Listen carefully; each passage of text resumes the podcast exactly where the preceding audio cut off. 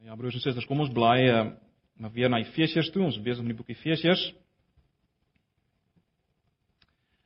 As ons die Bybels vir ons oop het, kom ons word net weer stil voor die Here.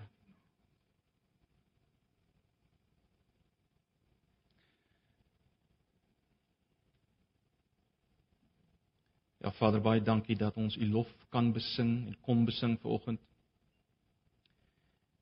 Here, dis wat ons wil doen. Ons Ons vind werklik vrede, vreugde en bevrediging in die sing van lof aan U, U die een wat dit waardig is. U die een uit wie en deur wie en tot wie alle dinge is. Ook vir oggend se diens is uit U deur U en dit is dit geskied om U groot te maak vir oggend. Ag Vader, ons kom na U toe as gebrokenes, as mense wat die bewus is van ons onvermoë om U genoeg lof toe te sing. Ons onvermoë om lief te hê en te dien vir U en die rondom ons soos ons moet. Maar nogtans kom ons met vrymoedigheid op grond van U volmaakte volbragte werk in ons plek, Here Jesus. En my gebed is net vir oggend Here dat U sal oorneem, dat U sal werk deur U Gees en U woord om ons oë oop te maak vir dit waartoe U ons geroep het as 'n liggaam. Asseblief Here. Ons bid vir elkeen wat ver oggend nie hier is nie, wat weg is. Heel party mense wat ver oggend elders moet wees, moes wees. Hier's baie wat siek is wat nie hier kan wees nie. Here, ons dra ook aan hulle aan U op want hulle ook hulle is deel van ons, een liggaam. Wil U ook vir hulle in hierdie oggend deurdra, innerlik versterk, hoop gee. Asseblief. Ag Vader, ons kom gee hierdie diens vir U. Verheerlik U self. Ons bid dit in Jesus se naam. Amen. Efesiërs 4, kom ons uh of laat ek so sê, ons het klaar gemaak met hoofstuk 3. Ons kom by hoofstuk 4. En uh ons gaan vir oggend net na die eerste 6 verse kyk. Ek lees maar die 83 vertaling.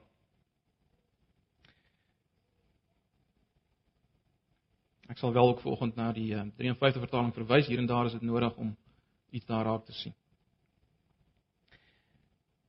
Ek druk julle dit op die hart. Ek wat 'n gevangene is omdat ek die Here dien. Laat julle lewens wandel in ooreenstemming wees met die roeping wat julle van God ontvang het.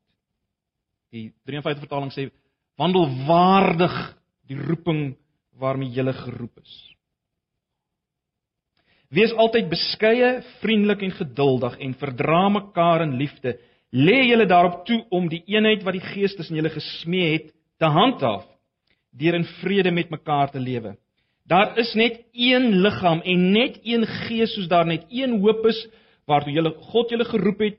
Daar is net een Here, een geloof, een doop, een God en Vader van almal, hy wat oor almal is, deur almal werk en in almal woon. Lees net so ver.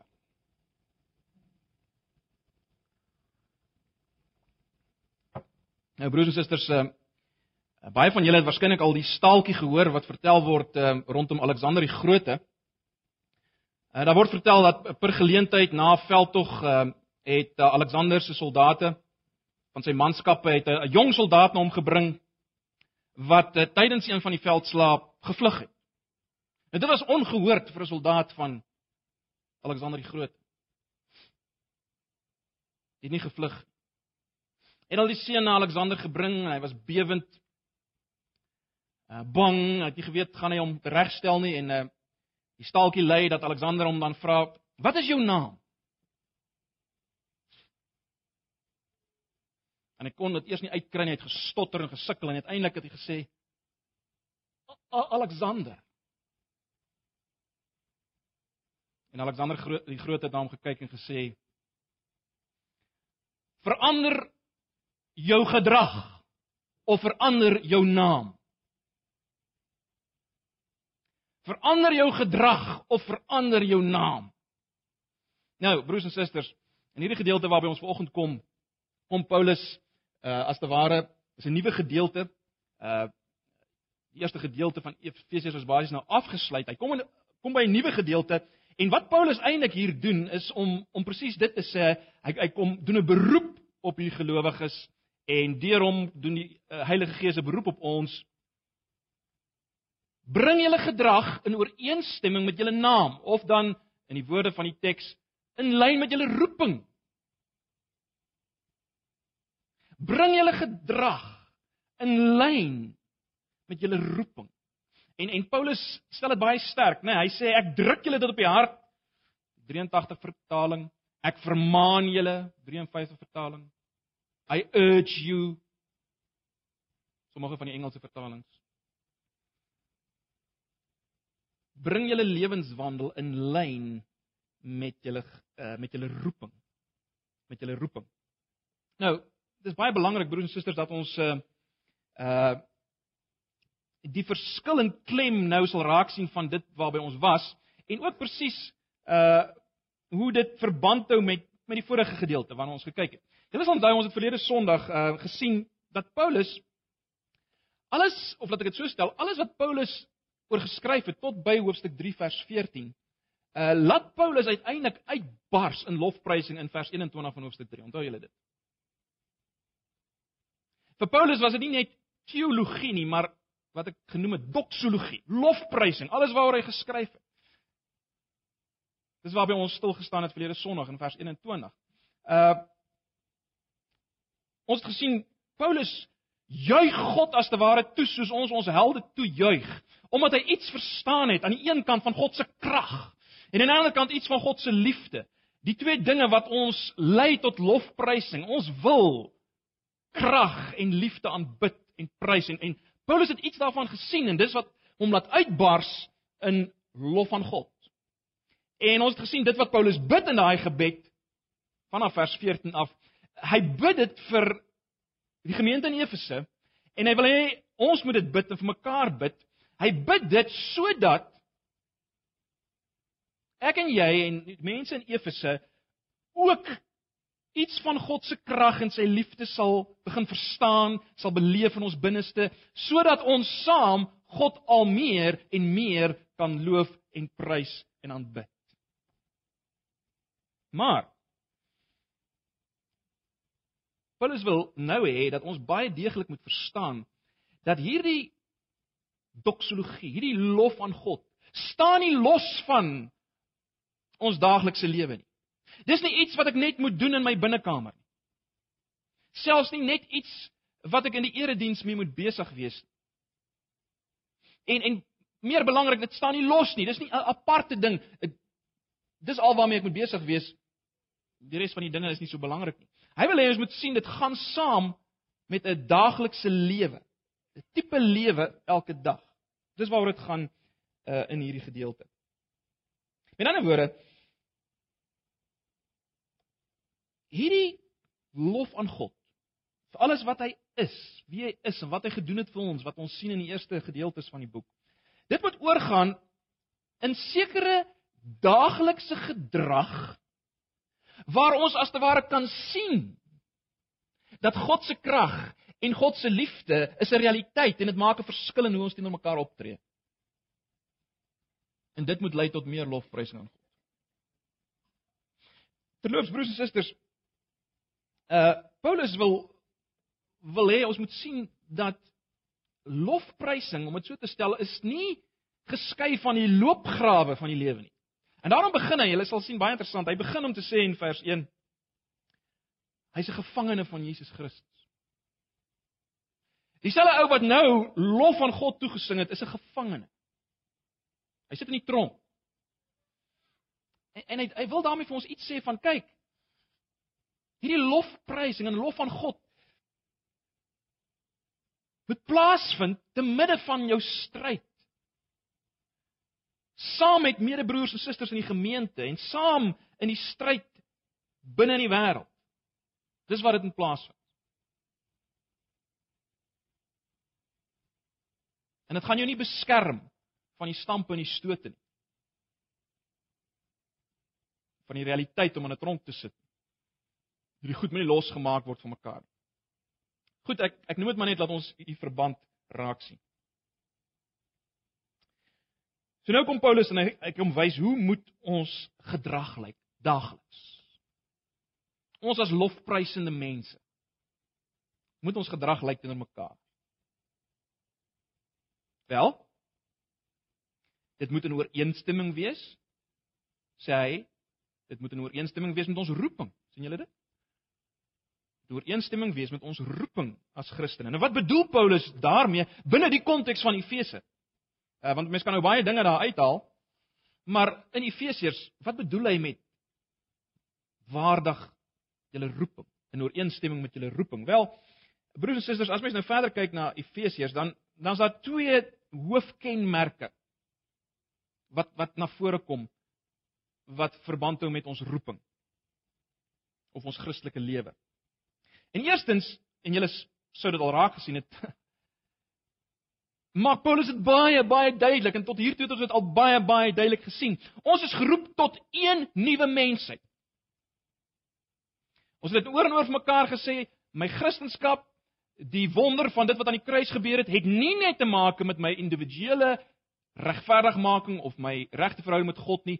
Deel van die groot werk was om mense saam te bring uit verskillende tale, kulture en agtergronde in 'n nuwe mensheid of volk. En dis wat ons deur die res van van Efesiërs ook sien, hierdie hierdie geweldige belangrikheid. Ons is geroep tot een nuwe mensheid. En tweedens, die tweede ding wat baie duidelik uit uh, is uit die res van uh, Efesiërs is dat ons geroep is tot 'n heilige mensheid. 'n Heilige familie as jy dan wil. In ander woorde, ons is anders as die rondom ons As ander dinge wat ons lewe moet kenmerk. Ons is eenkant gesit vir iets anders. Ons moet anders lyk. Met ander woorde, die klem is op heiligheid. So dis die twee dinge uh waaroor dit gaan vir Paulus. En dis die twee uh kenmerke van ons roeping. Uh en in die lig van hierdie twee kenmerke word ons nou opgeroep om ons lewe, ons daaglikse handel en wandel in lyn daarmee te kry. So ons moet ons daaglikse lewe, ons optrede in lyn kry met die roeping tot eenheid en in lyn kry met die roeping tot heiligheid of reinheid. Heiligheid of reinheid. Nou, hierdie oproep tot tot eenheid hanteer Paulus in hoofstuk 4 vers 1 tot 16. En die oproep tot reinheid of heiligheid hanteer Paulus dan nou verder vanaf vers 17 4 vers 17 tot 5 vers 21. Volgende wil ek nou hê ons moet begin, let wel, begin stil staan by hierdie oproep tot 'n lewe waarin waarin ek wys deur my gedrag dat ek behoort aan een nuwe mensheid of een nuwe familie, as jy wil, een nuwe volk. Ek moet deur my lewe wys ek behoort tot so 'n nuwe volk. Dis my roeping, dis deel van my roeping en my lewe moet nou in lyn daarmee kom, né? Nee. So dis waarby ek volgende wil begin stil staan. En broers en susters, ek kan nie genoeg dit beklemtoon dat dit so belangrik is vir ons nie, want ons leef in 'n geweldige individualistiese tyd. Eh, waar dit vir baie Christene net gaan oor het ek 'n goeie stilte tyd gehad in die oggend. Daaraan meet ek my hele Christelike lewe.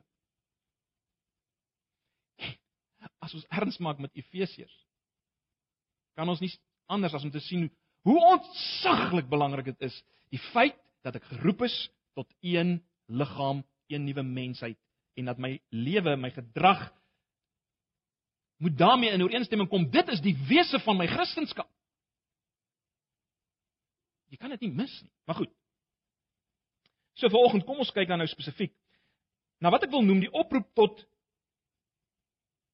liefdevolheid in gedrag teenoor die met wie ek een is, teenoor my medegelowiges liefdevolheid in gedrag teenoor my medegelowiges. Dis 'n een groot punt waarna ons gaan kyk en dan wil ek net kyk na, na wat mens kan noem 'n motivering wat Paulus gee. Weereens oor hoekom ons dit moet doen. Hy hy wil hê daar moet geen kans wees dat ek kan kan dink ag wat dit is nie so belangrik nie. Hy hy wil hê alle argumente moet uit die weg geruim word. En ons moet die erns en die belangrikheid sien van dit wat hy sê. As ons nou kom by uh by vers 3 tot vers 6 van hierdie hoofstuk. So kom ons kyk na die eerste oproep wat Paulus maak wat hierdie gedrag betref.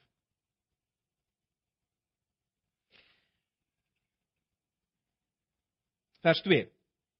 Die 83 vertaling sê wees altyd beskeie, vriendelik en geduldig en verdra mekaar in liefde. So die eerste ding wat hy sê is wees altyd beskeie, vriendelik.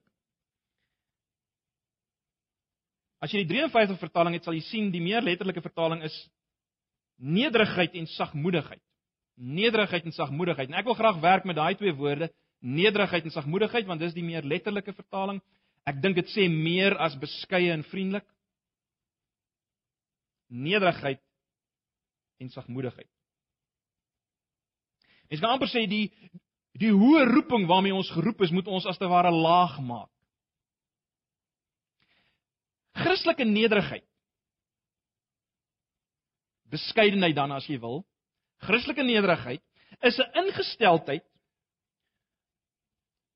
van min dink van myself en baie dink van Christus min dink van myself, maar baie van Christus. Wat is sagmoedigheid? Wel, sagmoedigheid is meer as vriendelikheid. Dis hoekom ek nie heeltemal tevrede is met die vertaling daar nie. Sagmoedigheid is meer as vriendelikheid. Wat is sagmoedigheid? Sagmoedigheid, broers en susters, is nou my hele houding, my hele gedrag wat voortvloei uit my nederigheid. Wat voortvloei uit hierdie manier hoe ek oor myself dink. Ek dink nie baie van myself nie, nee, ek dink baie van Christus.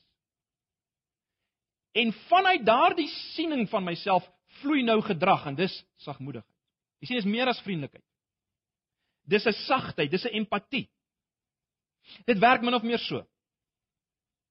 Ek as gelowige. Interloops, dit is wat die eerste saligspreking oor gaan.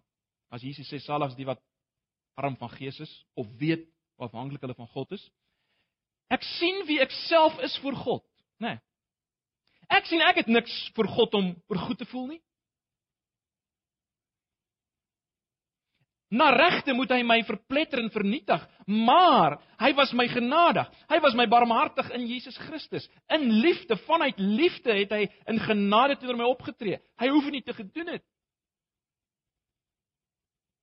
Hy hy gee vir my die teenoorgestelde van dit wat ek verdien.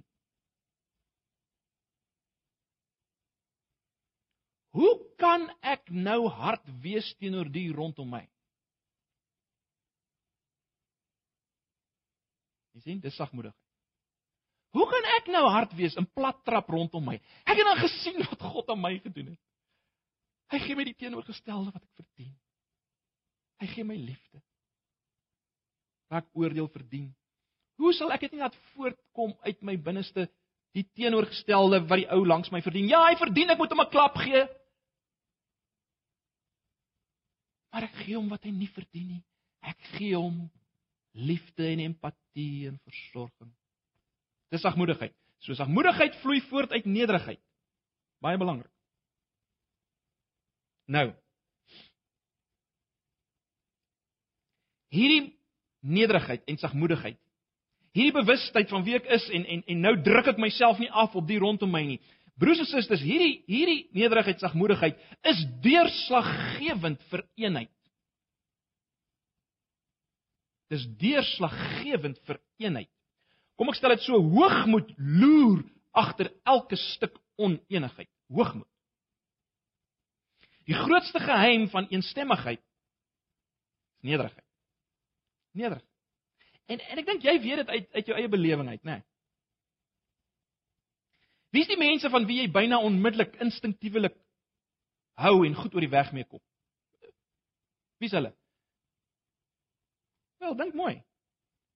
Dis mense wat wat jou met respek behandel, nê? Nee. En jou nie hanteer asof die kat jou aangedra het nie. Instinktiewelik kan jy met hulle saamwerk. Jy sien, Persoonlike verwaandheid is 'n sleutelsaak in verhoudinge wat verhoudinge vertroebel en oneenigheid veroorsaak. En daarom is dit so belangrik broers en susters dat ons doelbewus uh moet wegbeweeg van van al daai slim manipulering waar ons probeer om die respek van ander mense te kry vir onsself. En dis hoogmoed. Ons moet daarvan wegbeweeg na 'n houding waar ek respek gee vir ander omdat hulle net soos ek begenadig is, is deur die Here Jesus, deel is van een liggaam.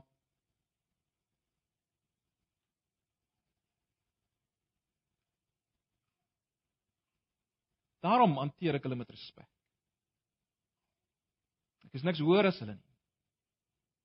Verdien niks meer as hulle nie. En dis nederigheid. En en dit veroorsaak eenheid binne 'n gemeente, binne die kerk van die Here Jesus. En dis waarop ons onsself moet toelê. En ons gaan later sien dat dit ook weier gaan as ons gemeente hier. So dis die oproep waar toe die eerste oproep. Nederigheid en sagmoedigheid. Die tweede ding is dit, die 83 vertaling praat van geduldig en verdra mekaar in liefde. Wees geduldig en verdra mekaar in liefde. Die 83 ag die 53 vertaling praat van lankmoedigheid terwyl jy mekaar in liefde verdra. Lankmoedigheid terwyl jy mekaar in liefde verdra. So ons kan praat van geduld en verdraagsaamheid. Dis die twee dinge waartoe Paulus hier oproep. En dit vloei natuurlik weer voort uit uit die eerste paar waarna ons gekyk het, né? Nee. Broers en susters, nederigheid wat lei tot sagmoedigheid is ononderhandelbaar as dit kom by geduld. Dis ononderhandelbaar as dit kom by geduld.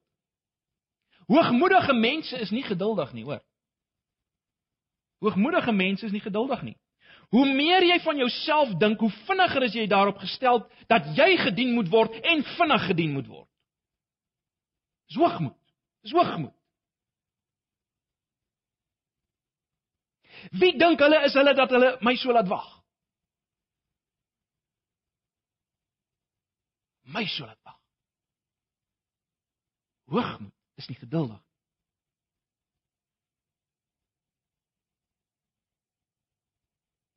Maar as jy 'n sagmoedige ingesteldheid het, as jy verstom is dat God so geduldig is met jou, jy wat weet hoe hoe karring jy aan met dieselfde dinge en hoe stadig is jy om te verander. As jy gesien het hoe geduldig is God met jou, dan kan jy nie anders as om geduldig te wees met die rondom jou nie. En verdraagsaamheid is maar net 'n ander naam om die resultate van nederigheid en sagmoedigheid te beskryf. Verdraagsaamheid. Verdra mekaar. En broers en susters, ek is so bly dat Paulus sê dat ons mekaar moet verdra. Ek is so bly Paulus sê ons moet mekaar verdra, want dit bevry my, dit bevry my van die skynheilige behoefte as ek dit so kan stel, om te dink dat ek of enigiemand van julle perfek is. Dit bevry my daarvan. As Paulus sê verdra mekaar.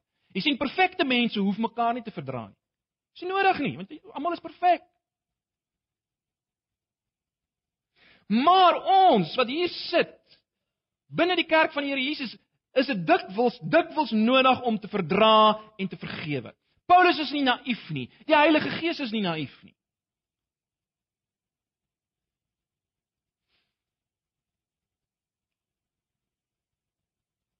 Kom ek sê dit so, hy weet Daar is knorrige, kritiese, onbetroubare, kieskeurige mense in elke gemeente en ook in Antipas. Hy weet hulle leraar het reuse gate in sy mondering as dit kom by heiligheid. Reuse gate in sy lewenswyse. En daarom is die oproep om te verdra Ek is so dankbaar Paulus het dit ingevoeg onder leiding van die Gees. In ander woorde, die hele oproep hier het nie te maak met hoe hoe kan perfekte mense met mekaar saamleef nie. Dis nie waaroor dit gaan nie, né? Nee, dit gaan oor hoe kan werklike onperfekte mense die eenheid van die Gees handhaaf, verdra mekaar in liefde. Verdra mekaar in liefde. Broers en susters, met ander woorde, wat ons moet raak sien, wat is die fokus hier in vers 2? Wat is die fokus? Eh, dit gaan nie hier oor oor die feit dat ons almal ewe skielik dieselfde moet begin word nie. Wees dieselfde. Dis nie 'n oproep nie. Waaroor gaan dit hier? Dit gaan hier oor om vir mekaar te sorg. Al is julle totaal verskillend en en later as jy nou kom by die gawes dan word dit nog duideliker. Maar maar dis waaroor dit hier gaan. Met ander woorde, dit gaan hier oor oor hoe hoe kan 'n klomp onvolmaakte mense wat dieselfde roeping het vir mekaar sorg? Dis eintlik waaroor dit gaan. Hoe kan 'n klomp onvolmaakte mense wat dieselfde roeping het vir mekaar sorg? Om dit nog nader te bring. Hoe kan jy aanhou omgee vir iemand wat nie van jou hou nie? Want ons almal hou nie van mekaar nie. Kom ons wees eerlik. Nêrens staan ook ons moet almal van mekaar hou op dieselfde manier. Die vraag is: Hoe kan ek aanhou om om te gee en te sorg en dis liefde van mense wat nie van my hou nie. Ek kom agter dat ou hou nie van my nie. Hoe kan ek aangaan om vir hom te sorg en om te gee? Dis die vraag. Of hoe kan ek hoe kan ek ehm um, bly saamwerk met mense wat nie dieselfde musiek smaak as ek het nie? Hoe kan ek hoe kan ek voortgaan om saam met hulle te aanbid? Ek hou nie van dieselfde musiek as hulle nie. Of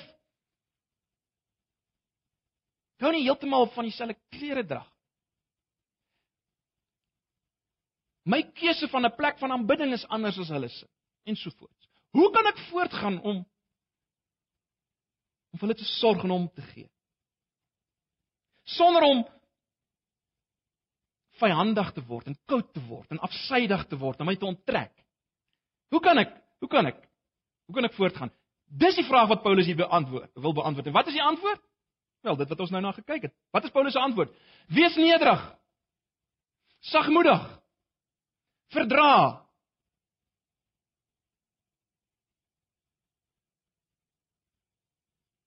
En dit gebeur natuurlik as jy al meer begin kyk na wie jy is voor God en jy begin daaroor dink, dan begin nederigheid in jou ontspring en dit kan nie anders nie as om oor te gaan in sagmoedigheid en as jy sagmoedig is dan kan jy nie anders as om geduldig te wees en dit te verdra wat saam met jou is, die onperfekte saam met jou te verdra nie.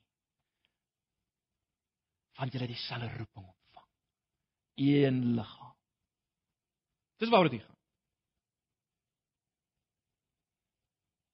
Dis waaroor dit gaan. Dis bevrydend.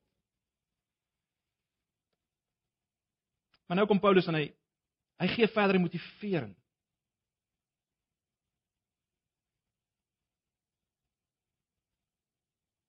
Hy wil hê daar moet geen wegkom kans wees nie. Geen verskoning. Vers 3 tot 6. Lê julle daarop toe om die eenheid wat die Gees tussen julle gesmee het te handhaaf deur in vrede met mekaar te lewe. Daar is net een liggaam, net een gees, soos daar net een hoop is waartoe God julle geroep het. Daar is net een Here, een geloof, een doop, een God en Vader van ons almal, hy wat oor almal is, deur almal werk en in almal woon. Mens kan nie anders as jy die verse net sommer so op die oppervlak lees as om as om die woordjie een raak te sien, nê. Uh, uh raak te sien nie, nê. Uh dis oral, een. En en en jy kan dit nie anders as om die drie enige God raak te sien, Vader, Seun en Gees. Dis die aspek van eenheid. Maar goed, kom ons kyk vinnig bietjie hierna. Ek gaan so bietjie net probeer om 'n paar dinge uit te lig. Die eerste ding wat Paulus wil hê ons moet raak sien is daar is net een liggaam. Omrede daar net een Gees is, vers 4. Nou hierdie een liggaam is natuurlik die kerk, nê, nee, wat die liggaam van Christus is. Ons kry dit al in hoofstuk 1 vers 23. Die een liggaam verwys na die kerk van die Here Jesus, uh wat die liggaam van Christus. Hierdie kerk wat bestaan uit Jode en heidene, mense van verskillende agtergronde, verskillende intellek, verskillende kleur. Daar's net een liggaam. En hierdie eenheid van hierdie liggaam of as jy wil, dit wat hierdie liggaam heg, is die een gees wat in hierdie liggaam woon. Dis wat Paulus probeer sê. Daar's een gees wat in hierdie liggaam woon, wat hierdie liggaam lewend maak. In ander woorde, wat hierdie liggaam een maak, is nie dieselfde bloed nie, is nie dieselfde gene nie, uh dis nie dieselfde smake of voorkeure nie. Wat hierdie liggaam een maak, is die een gees. Die een gees. Met ander woorde, ons is een liggaam omrede daar net een gees is. En ons het een gees. 1 Korintiërs 12 vers 13 stel dit baie pertinent. As jy miskien vinnig so intoe kan blaai. 1 Korintiërs 12 vers 13.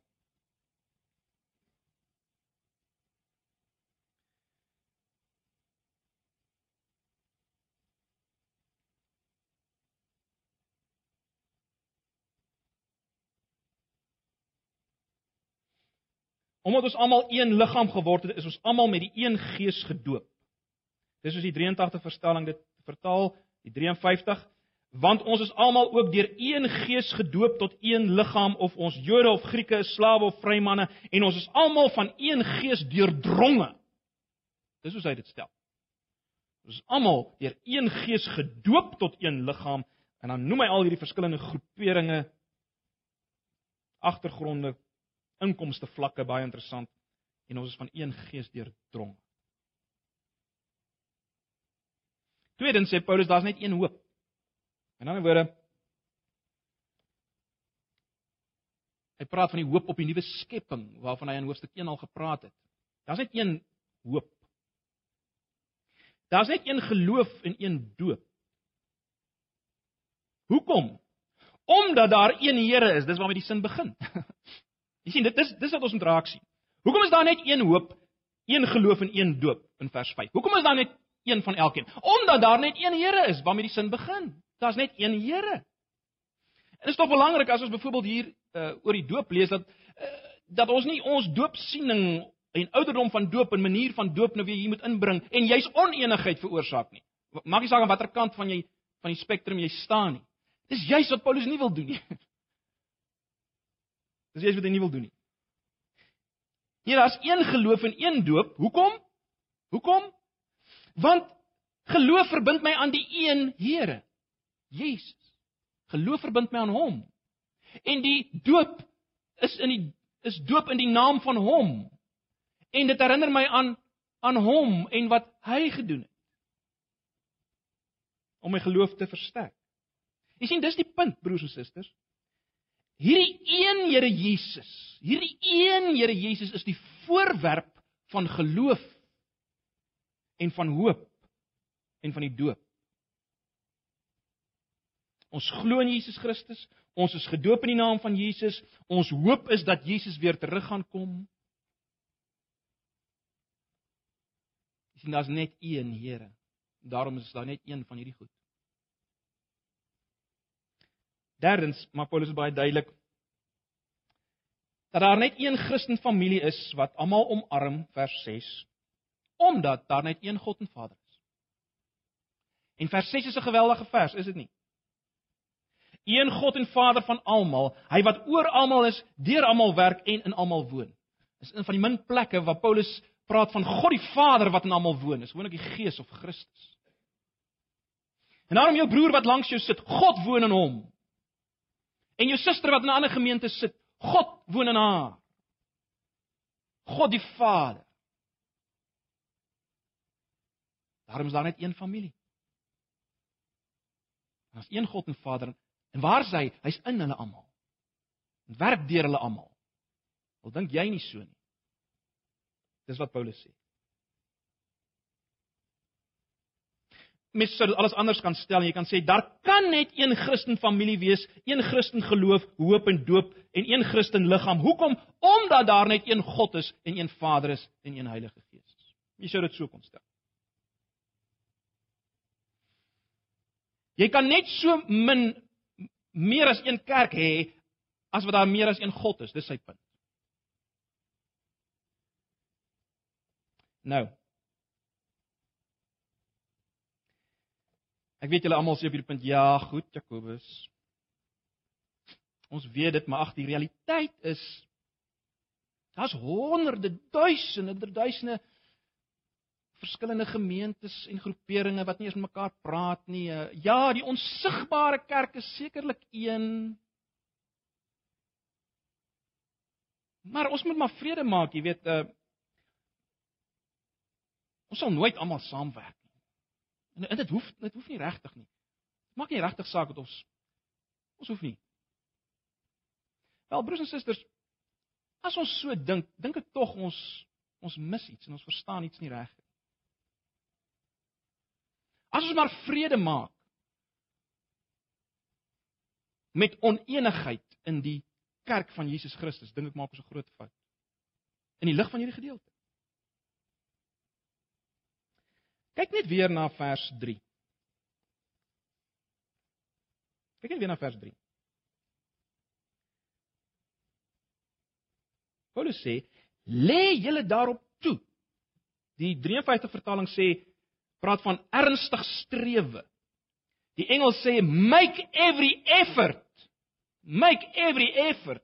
Lê julle daarop toe om die eenheid wat die Gees tussen julle gesmee het, te handhaaf deur in vrede met mekaar te lewe. Handhaaf, bewaar.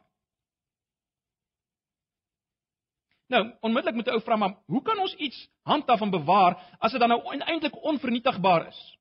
Soos ons nou net gesien het. Die hele punt van Paulus was eintlik dat uh hierdie eenheid wat daar is, is eintlik so onvernietigbaar soos God self. Hoe op aarde kan ons dit dan nou bewaar of handhaaf? Wel, ek dink die enigste enigste antwoord is dit. Die kerk se eenheid moet sigbaar gehandhaaf word. Sigbaar gehandhaaf. Kom ek gee julle 'n voorbeeld van 'n familie. Kom ons sê die van 'n Merwes. Hulle is een familie. Man en vrou, kom ons sê met 3 kinders. Hulle is een familie. En dan ewe skielik begin daar uh huweliksprobleme kom en uh die man en die vrou bly nie meer by mekaar. En die kinders trek weg, een is Australië toe die ander in Engeland. En hulle praat eers met mekaar oor die telefoon. Sal ons sê, ag wat, hulle is nog steeds een. Is ons steeds een familie. Nee broers en susters, ons sal sê dit is 'n tragedie. Dis 'n tragedie dat hulle wat een is in hierdie toestand leef. En daarom broers en susters kan ons nooit vrede maak met die oneenigheid binne die kerk van Jesus Christus nie. En hoeveel te meer oneenigheid binne 'n 'n plaaslike liggaam wat 'n vergestalting is van hierdie kerk. Let op na vers 3. Paulus gebruik die term ernstig strewe, né? Nee, ernstig strewe. Make every effort. In ander woorde, uh letterlik moet geen moeite ontsien om sigbaar hierdie eenheid wat daar is te handhaaf.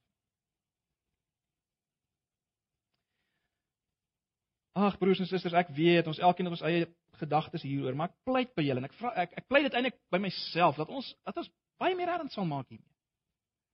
Ek dink ons het nou gesien dat dat dit wat belangrik is vir God en belangrik is vir die Heilige Gees is nie net my persoonlike verhouding met die Here nie. So belangrik soos dit is. Hierdie saak is ontsaglik belangrik. En uiteindelik sal ons kom by die bedroewing van die Heilige Gees en ons gaan gaan sien dis wat die Gees bedroef. Nie die feit dat jy nie volgens stilte tyd gehou het nie, dat jy gees word bedroef as jy lelik gepraat het met jou broer en suster of oor hulle. Dis 'n ontsaglike belangrike saak. Nou, ek dink onmiddellik eh, toe ons gekyk het vandag na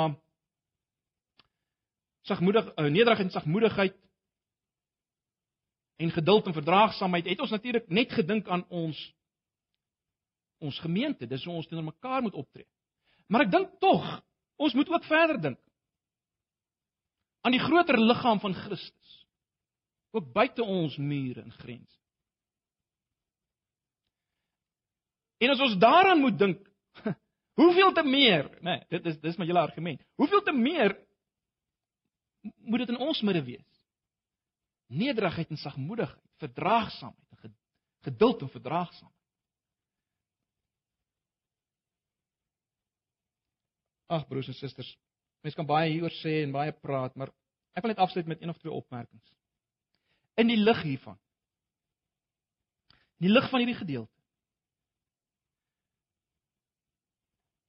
Wil ek vir julle vra of, of wil ek 'n stelling maak? Die stelling is dit: Broers en susters, ons kan nie vrede maak as ek dit so kan stel. Ons kan nie vrede maak met 'n situasie waar mense as hulle bietjie ongelukkig raak binne hulle gemeente, dan skuif hulle na 'n ander gemeente. En hulle praat nooit weer met die mense wat in die vorige gemeente was nie, nog minder met die leraar. Hulle is deel van die een liggaam van God. Ons kan nie daarmee vrede maak. Ons kan nie. Dis verfoeilik vir God en sonde. En broers en susters, hierdie verskywinge vind nie ek praat nie eers van die verskywinge wat plaasvind vanaf uh charismatiese gemeentes na gereformeerde gemeentes en van uh hierdie tipe gemeente na daai nie. Verskywinge wat plaasvind tussen sogenaamde gemeentes wat dieselfde dink in teologie het. Gereformeerdes, dan skuif een familie na die volgende gemeente wat ook 'n gereformeerde gemeente is, maar hulle praat nie meer met die mense van die vorige gemeente nie. Hulle hulle hulle sal hulle groet hulle skaars. Hulle kyk ander pad as hulle hulle sien. Ewe skielik bestaan nie ander nie meer vir hulle nie. Broers en susters, ons mag nie vrede maak daarmee nie. O, ons mag nie daarmee vrede maak. Dis nie wat God wil hê nie. Dit lei nie tot lof aan hom oor sy krag en liefde wat ons saambind nie. Wat 'n getuienis na buite. En daarom 'n tweede baie praktiese punt tussen ons. Kan ek net weer pleit by julle almal? As jy 'n probleem ontwikkel en ons ontwikkel probleme, onthou ons is onvolmaak. Ons word opgeroep mekaar te verdra. So ons gaan probleme met mekaar ontwikkel. Maar kan ek pleit? As jy 'n probleem ontwikkel met my of met enige ander broer of suster, voor jy net weggaan. Kan ons nie in die lig van ons roeping daaroor praat en bid?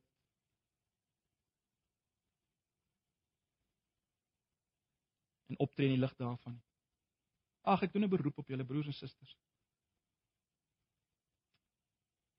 Kom ons kom ons kom ons verklaar oorlog teen hierdie mentaliteit wat onder Christene is.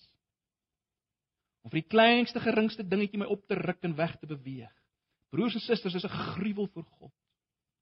En jy kan dit alles toesmeer met met allerlei mooi teologiese argumente, maar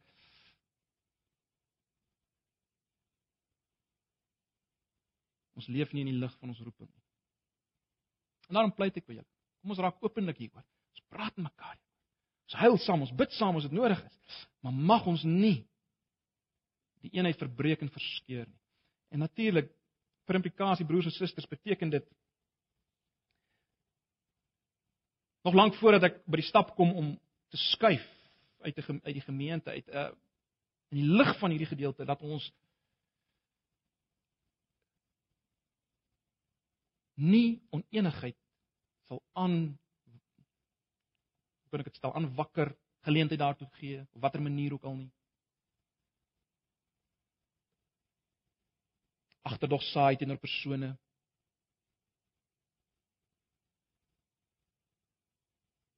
Ons is so geneig tot skinder op 'n mooi manier. Sê met keer ons ons moet bid vir hierdie ou maar dan gee ons die skindernuus deur. Ehm um, Kom ons waak daarteen. Enig enige iets wat wat hierdie ongelooflike eenheid verbreek. Te stimuleer. Kom ons beweeg weg daarvan. Kom ons lê ons meer daarop toe om om by eredienste te wees en nie vir enige dingetjie by die huis te bly nie. Niemand ons wetties is nie. Niemand ons dink erediens bywoning uh, uh, uh, dra buite tot jou redding nie. Maar omdat ek een is met my broer en suster, omdat ek deel van 'n liggaam is. Ek het hulle nodig, hulle het my nodig. In die sonnaand wat kom gaan ons meer daaroor praat. Oor die gawes en en ensovoorts. Hoe ons mekaar nodig het. Maar, maar maar nou al dink daaraan broers en susters. Dit gaan oor meer as ek wat moet kom in die oggend en kyk of ek 'n goeie boodskap kry en dan stap ek hier uit. Jy kan 'n beter een oor die radio luister, ek weet. Baie beter. Maar dis nie waar dit gaan nie. Ons is een liggaam. Ag, mag die Here ons genade gee om hierdie dinge te deur dink en te deur bid. En nou broers en susters, as ons die as ons die nagmaal vier. Waaroor gaan die nagmaal? Hoekom sit ek nie alleen by my huis en gebruik die nagmaal nie? Want die nagmaal, broers en susters, is 'n gemeenskapmaal. Ons wat saam met die Heilige Gees wat in ons midde is, Jesus wat in ons midde is deur sy Gees, ons wat saam as een liggaam 'n maaltyd saam hom eet. 'n Maaltyd wat ons herinner aan sy een liggaam wat vir ons gebreek is en waarvan ek en my broer almal deel het. Elkeen deel het. Hy eet 'n stukkie van die brood, ek eet 'n stukkie van die brood. Die een brood. Ons is deel van mekaar. Sy bloed het gevloei, die beker Nie net om my as individu te verlos nie, dank God, ja, maar om vir hom 'n nuwe volk te verlos, 'n nuwe mensheid. Uiteindelik gaan alles onder een hoof verenig wees, Jesus Christus en sy bloed het dit bewerk. En ek verkondig dit deur die nagmaal saam met my broers en susters. En uiteindelik eendag gaan ons saam maaltyd voer met Jesus bruidegom een liggaam. Ag broers en susters, mag die Here ons help om volgens as ons as ons dit sigbaar, tasbaar doen deur die nagmaal, mag hy ons harte beweeg na mekaar toe en dat ons weer hierdie eenheid sal besef. En ons is almal skuldig. Ek net soos julle. Mag die Here ons genadig wees en ons oopmaak vir die wonderlike eenheid wat ons geroep is. Kom ons sit net so en dan bid ons saam.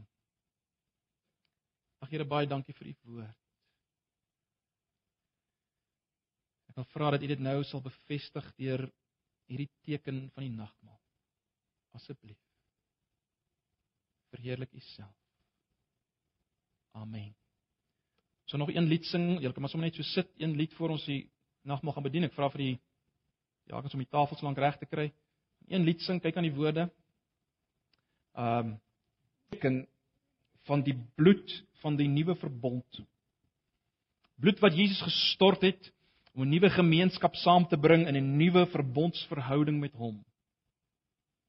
Sy bloed moes vloei. Hy moes die oordeel van God vir my en jou sonde op hom neem. Hy moes verbrysel word in my en jou plek sodat ek en jy nie verbrysel hoef te word nie. En hy het opgestaan.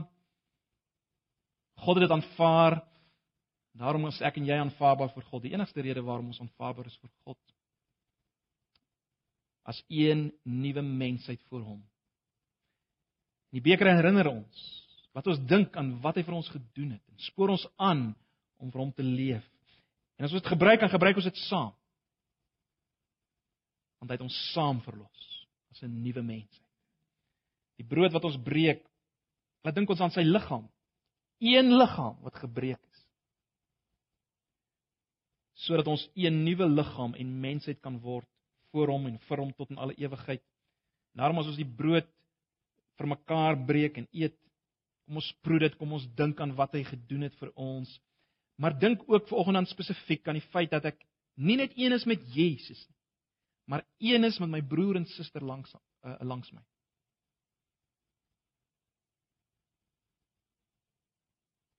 En kom ons gaan dan uit hier vanoggend en ons gaan leef by ons huise en ons huwelike en ons gesinne, broers en susters, ma's en pa's. Kom ons gaan leef die realiteit van ons eenheid met Jesus Christus uit. Dis die uitdaging. Dis die oproep. Dis waar ons geroep is. Nooi julle uit broers en susters, kom gebruik die nagmaal. As jy verenig is met Jesus, jy jou hoop op hom alleen plaas, let wel, ek sê nie as jy perfek is vir oggend nie. Ons gebruik juis die nagmaal as teken dat ons nie perfek is nie, dat hy perfek was in ons plek. As jy vrymoedigheid het in die lig van jou vertroue op Jesus, kom en gebruik dit saam met jou broers en susters. Kom ons bid saam, kom ons dank saam. Kom ons aanbid die Here saam ook deur die gebruik van hierdie teken volg. Ek nooi julle om dit te gebruik.